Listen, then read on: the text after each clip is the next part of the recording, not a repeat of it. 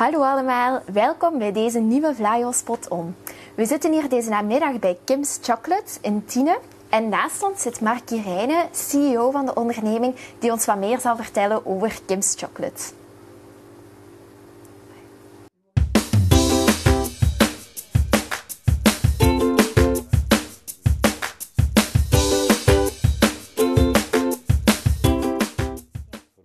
Goedemiddag Mark. Eerst en vooral uh, hartelijk dank dat we vandaag hier uh, bij Kim's Chocolate op bezoek mochten komen. Um, kan je jezelf misschien eerst kort voorstellen? Ja, ik ben dus uh, Mark, CEO van Kim's Chocolates. Ik loop hier al rond sinds 2003 in verschillende rollen, maar de laatste jaren dus als CEO. Um, ik ben gelukkig getrouwd, vader van twee dochters, tienerdochters. Dat is misschien ook een beetje het doelpubliek van deze opname. Um, ja, dat is zo'n beetje de kleine introductie van mezelf. Ja, oké. En je, ben, je werkt hier bij Kim's Chocolate sinds 2003, zeg je ja. net. Um, is dat ook wanneer dat Kim's Chocolate is opgericht? Of, um, nee, uh, voor de oprichting moeten we nog een beetje verder terug in de tijd. Dus in 1987 dus dat is al, uh, ik geloof dat de gemiddelde leeftijd van het doelpubliek uh, waarschijnlijk de helft is van de, de leeftijd van ons bedrijf. Dus we zijn al van 87 actief. Um, dat is de oprichting in Aarschot. We zitten nu in Tiene, maar dus, uh, het is opgericht in Aarschot. Uh, maar het werd te klein eigenlijk, de fabriek werd te klein. En we zijn dan in de loop der jaren moeten gaan kijken uh, naar een nieuwe locatie. Uh, en zo zijn we eigenlijk in 2006 hier terechtgekomen. nog eventjes terug naar 2003 toch. Dan is er eigenlijk een nieuwe hoofdaandeelhouder ingestapt, een Duitse firma, die ook in de chocoladeindustrie zit, maar die zijn heel complementair met ons. Dus wij voeren toch echt wel onze eigen onafhankelijke koers. Maar dus in 2006 zijn we in Tiene terechtgekomen en hebben hier een nieuwe gloednieuwe fabriek uh, neergepoot. Hier was dus niks. En dat heeft ons ook in staat gesteld om eigenlijk de meest, uh, laten we zeggen, uh, moderne en milieuvriendelijke technologieën, die toenertijd beschikbaar waren, te gebruiken om een moderne fabriek te bouwen. Op die technologie gaan we zelfs zeker nog even terugkomen, Mark. Um, maar ik vroeg mij ook nog af, de naam Kim's Chocolates, mm van waar komt die naam eigenlijk precies? Is dat een verwijzing naar een specifiek persoon? Of? Ja, inderdaad. Het is niet zo heel moeilijk. Dus uh, in 1987, bij de, de oprichting van het bedrijf, uh, waren er vier personen betrokken, waaronder Fons Maaks, die nog altijd uh, mede-aandeelhouder is. En ze hadden eigenlijk heel het plan uitgedokterd om, om een, een, een bedrijf op te richten voor chocoladeproductie te gaan doen. Uh, ze komen bij de notaris, alles was geregeld, ze hadden een businessplan, alles mooi voorbereid, alleen ze hadden niet aan een naam gedacht. En dus wordt de vraag gesteld, ja, hoe gaat het bedrijf heten? En dan is eigenlijk heel snel gekozen voor de naam van de dochter van Fons, uh, ja. Kim. Okay. Zo eenvoudig is het. Oké, okay. maar wel een mooi en ook memorabel verhaal. Absoluut. Ja, zeker was. Goed, je vertelde zo net al kort iets over de activiteiten. Hè. Jullie produceren chocolade. Kan je daar misschien iets meer over vertellen? Wat zijn zo jullie voornaamste activiteiten hier? Ja, dus wij maken hier uh, in België, en ook de, dus de productie is volledig 100% uh, vanuit België, Belgische chocoladeproducten. Dat gaat over uh, pralines, die iedereen kent. Dat gaat over tabletten, van 100 gram naar 180, 200, 300, 400, 500, in allerlei geuren en smaken. En dat gaat wereldwijd, verdelen wij dat dus. Wij zitten op alle continenten.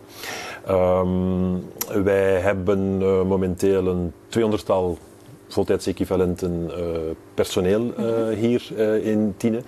En ja, we hebben ook een heel eigen R&D afdeling, dus alle producten, alles wordt hier in-house ontwikkeld. Um, we hebben ook eigen merken, maar uiteindelijk zijn we in de loop der jaren een private label producent geworden. Dat wil dus zeggen dat wij voornamelijk producten maken voor Um, bijvoorbeeld de, de Deleuze's, de Carrefours, de Tesco's van deze wereld.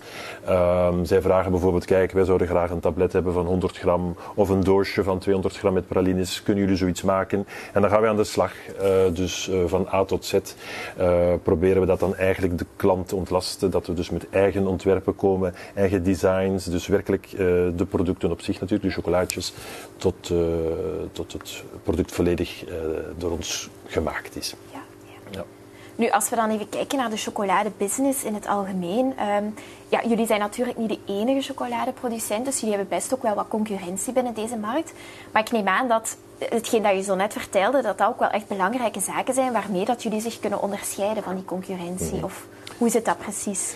Wel, uh, klopt. Hè. Belgische chocolade is natuurlijk een, een uh, zeer gekend product wereldwijd. Ehm, er zijn heel wat Belgische chocoladeproducenten, maar ik zeg altijd, de zon schijnt voor, voor iedereen. Ehm, wij proberen ons inderdaad wel niet te onderscheiden, laten we zeggen, a priori ten opzichte van die concurrenten, maar wij proberen wel te kijken hoe wij onze klanten het best kunnen uh, ja, servicen, zeg maar. En zoals ik daarnet al zei, dus die soort van one-stop shop, dat je dus de klant zegt van kijk, jullie moeten zelf niet met een uh, ontwerpbureau komen, nog voor uh, het, het, finale product, nog voor designs. Wij gaan dat allemaal voor u doen. dat laat ons ook toe eigenlijk om, om de timings, hè, want dat is vaak heel belangrijk, om die timings ook zelf beter te bewaken dan wanneer dat van verschillende partijen eigenlijk uh, afhangt. Uh, dus dat is wel belangrijk dat we dat allemaal in house hebben, die kennis. En twee, wat we eigenlijk al heel lang doen, dus ook een beetje onbewust, dat is toch dat we kunnen stellen dat wij in die Belgische chocoladesector best wel een voorloper zijn op het vlak van duurzaamheid. Oké. Okay. Ja. En dat merken we toch wel dat, uh, dat, dat alsmaar meer uiteraard. Hè, het is natuurlijk ook een containerbegrip. Iedereen heeft het tegenwoordig over duurzaam. Ik zeg altijd, wij zijn een beetje duurzaam avant la lettre. We vertelden het alleen tegen niemand, maar we hadden, uh, hebben heel mooie projecten of heel mooie zaken die we doen, waarop we misschien uh, verder kunnen doorgaan zo meteen. en daar maken we eigenlijk in het begin onbewust, maar stilaan meer en meer ook wel een beetje bewuster dat onderscheid met mogelijke conculega's.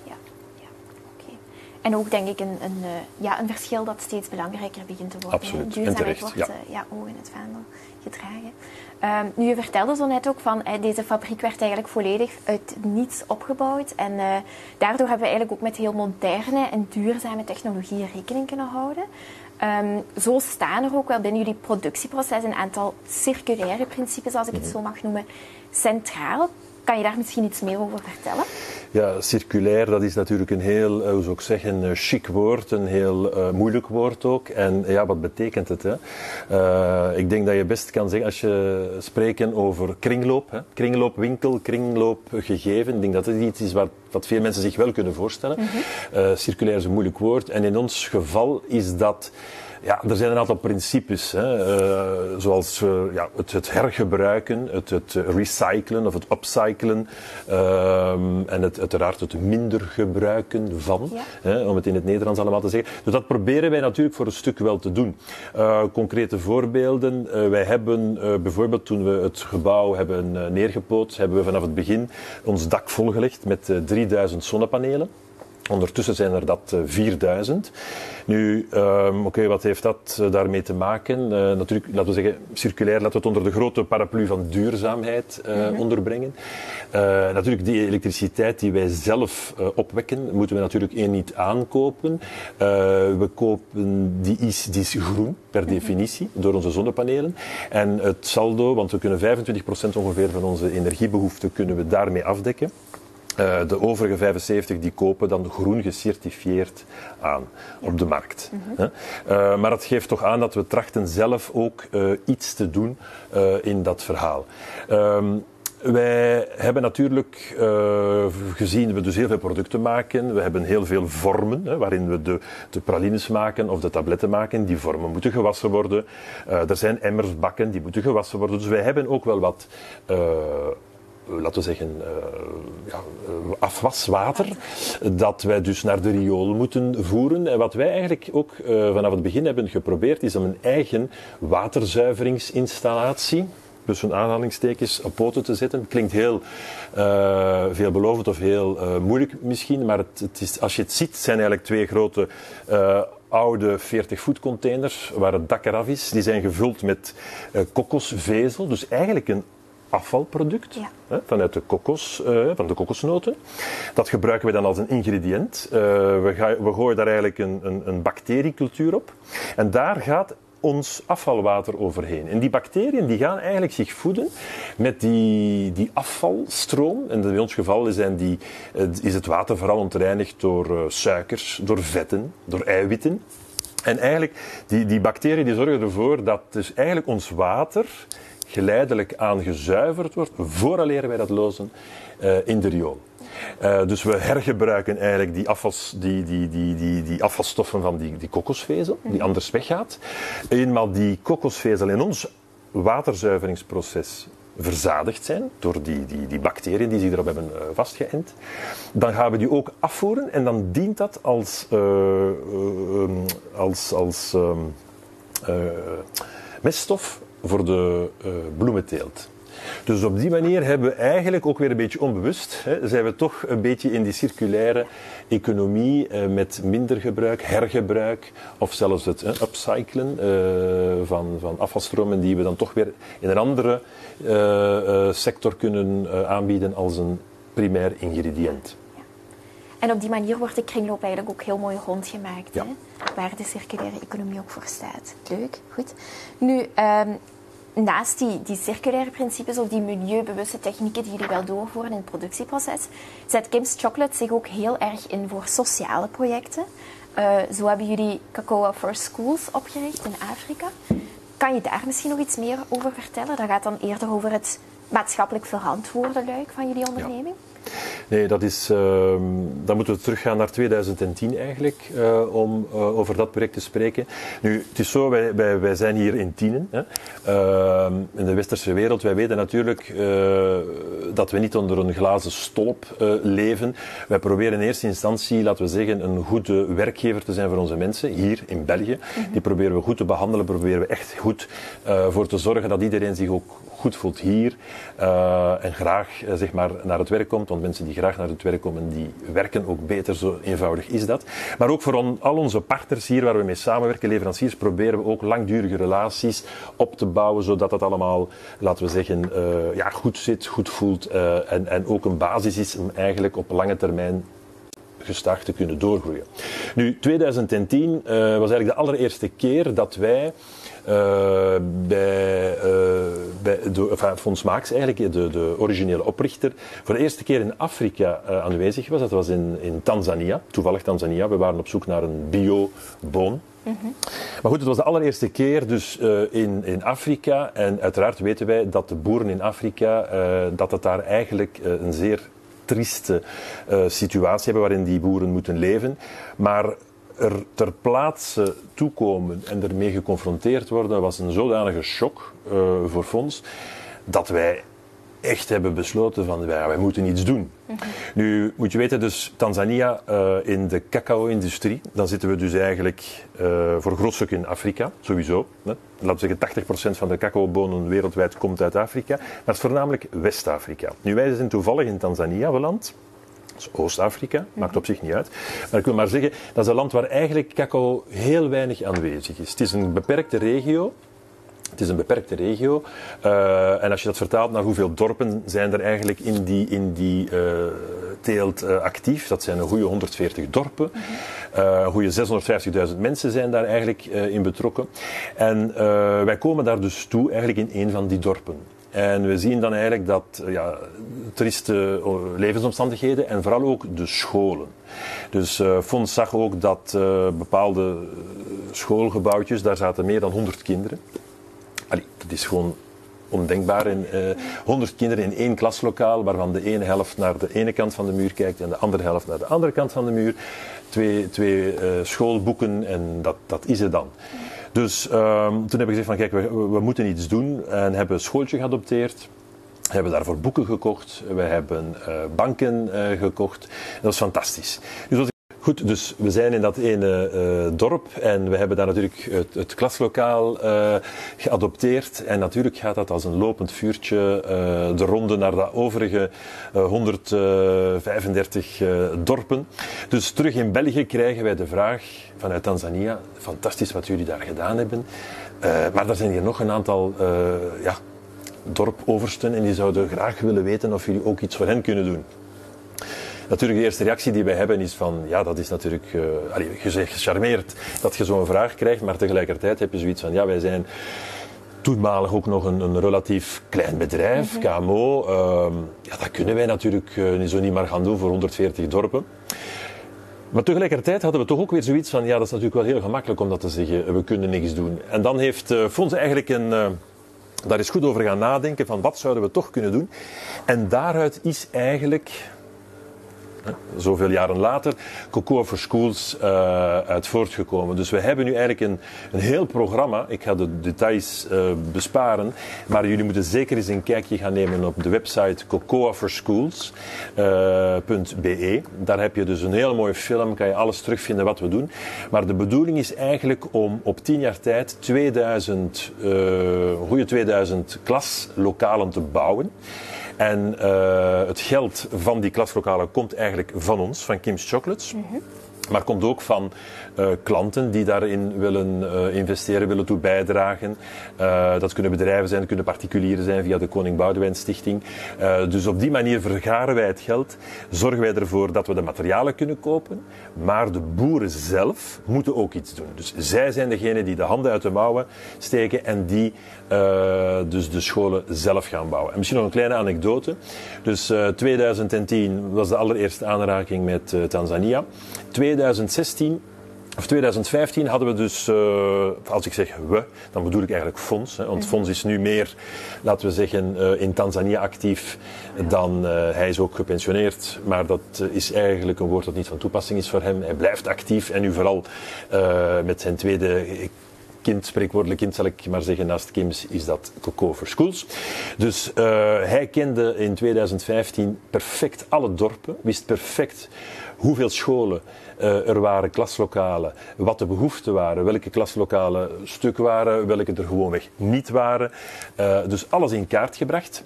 Uh, gesprekken gevoerd met de dorp, uh, dorpsoverste uh, enzovoort. Van kijk, dat is het plan. Wij financieren, dan gaan we komen. Jullie zorgen ervoor dat jullie klaar zijn. Enzovoort enzovoort. Goed, oké. Eerste afspraken. Wij komen daartoe met onze vrachtwagens in die eerste dorpen. Wat blijkt? Niks. Niks is georganiseerd door de boeren. Uiteraard tot groot ongenoegen van uh, die zegt, maar hoe kan dat nu? Wij hebben dat toch allemaal mooi besproken. Jullie gingen daarin mee. En, en wat is nu het probleem? Bleek dus eigenlijk heel gewoon dat uh, die mensen zeiden van ja, wij dachten dat dat de zoveelste prietpraat was. Dus wij wisten niet dat dat serieus was. Dus ja, natuurlijk, uh, vond, natuurlijk is dat serieus. Dus oké, uh, opnieuw alles goed doorsproken. En dan zijn we eigenlijk in 16 echt vertrokken. En uh, full speed staat de teller nu op een 1300 klaslokalen. En als ik spreek over klaslokalen, dan bedoel ik dus de lagere scholen. Ja. Dus die uh, 140 dorpen, 650.000 mensen, gaat het over een goede 65.000 kinderen, lagere school, die eigenlijk betrokken zijn in dat uh, project. Wauw. Ja. Oké. Okay. Mooi project. Ja. Absoluut.